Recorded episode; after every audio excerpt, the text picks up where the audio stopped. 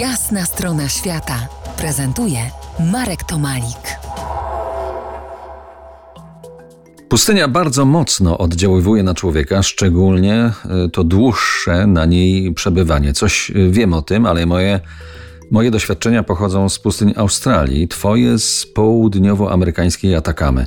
Dagmaro, dlaczego pustynia jest tak inspirująca e, do pracy, szczególnie takiej twórczej pracy? I powiedz, jak nią zarażasz ludzi? No pustynia jest niesamowita. To jeszcze zanim wejdziemy na sferę powiedzmy artystyczną, wydaje mi się, że to się wiąże. To znaczy e, przeżycie głębokiej samotności, takiej egzystencjalnej samotności, gdzie jesteśmy zobligowani do uporządkowania sobie e, rzeczy e, w głowie, e, w sercu, ze światem, z sobą samym. Wydaje mi się, że to są niezbędne elementy do tego, żeby potem móc tworzyć. I same w sobie, nawet jeżeli do twórczości nie doprowadzą, bardzo cenne dla jednostki. Właśnie takie stworzenie takiej oazy, gdzie można się tą pustynią y, inspirować, to jest to, co wymyśliłam jakieś 20 lat temu i co jakoś się rozkręciło i dalej się rozkręca i ma format Biennale Sztuki Współczesnej. Y, w tym roku no, ponad 60 osób nas odwiedziło. Biennale było otwarte od czerwca do września. I to było w rejonie, to było w rejonie Antofagasta, prawda?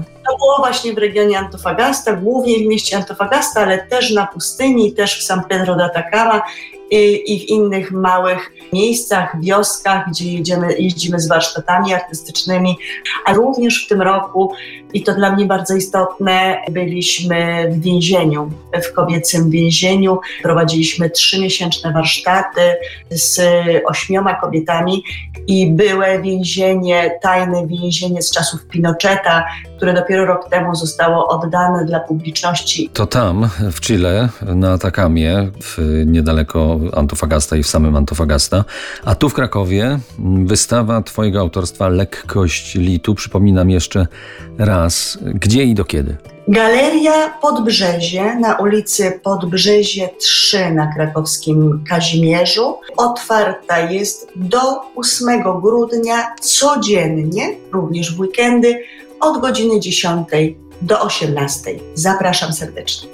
Integralną częścią, tak dopowiem tylko trochę, tej wystawy są filmy. Jeden z nich to filozoficzna rozmowa dwóch chłopców. W księżycowym pejzażu Antofagasty rozmawiają o dzieciństwie, o rodzicach, o dorastaniu, o śmierci, nieśmiertelności duszy, podstawowych potrzebach człowieka, o czasie, o różnicach między kobietami i mężczyznami, nieskończoności, o nieskończoności świata i jego początku. Wszystko to bardzo ciekawe.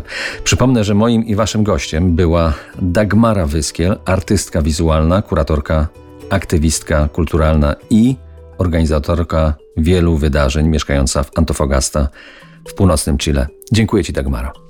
Bardzo dziękuję. To była jasna strona świata w RMF Classic.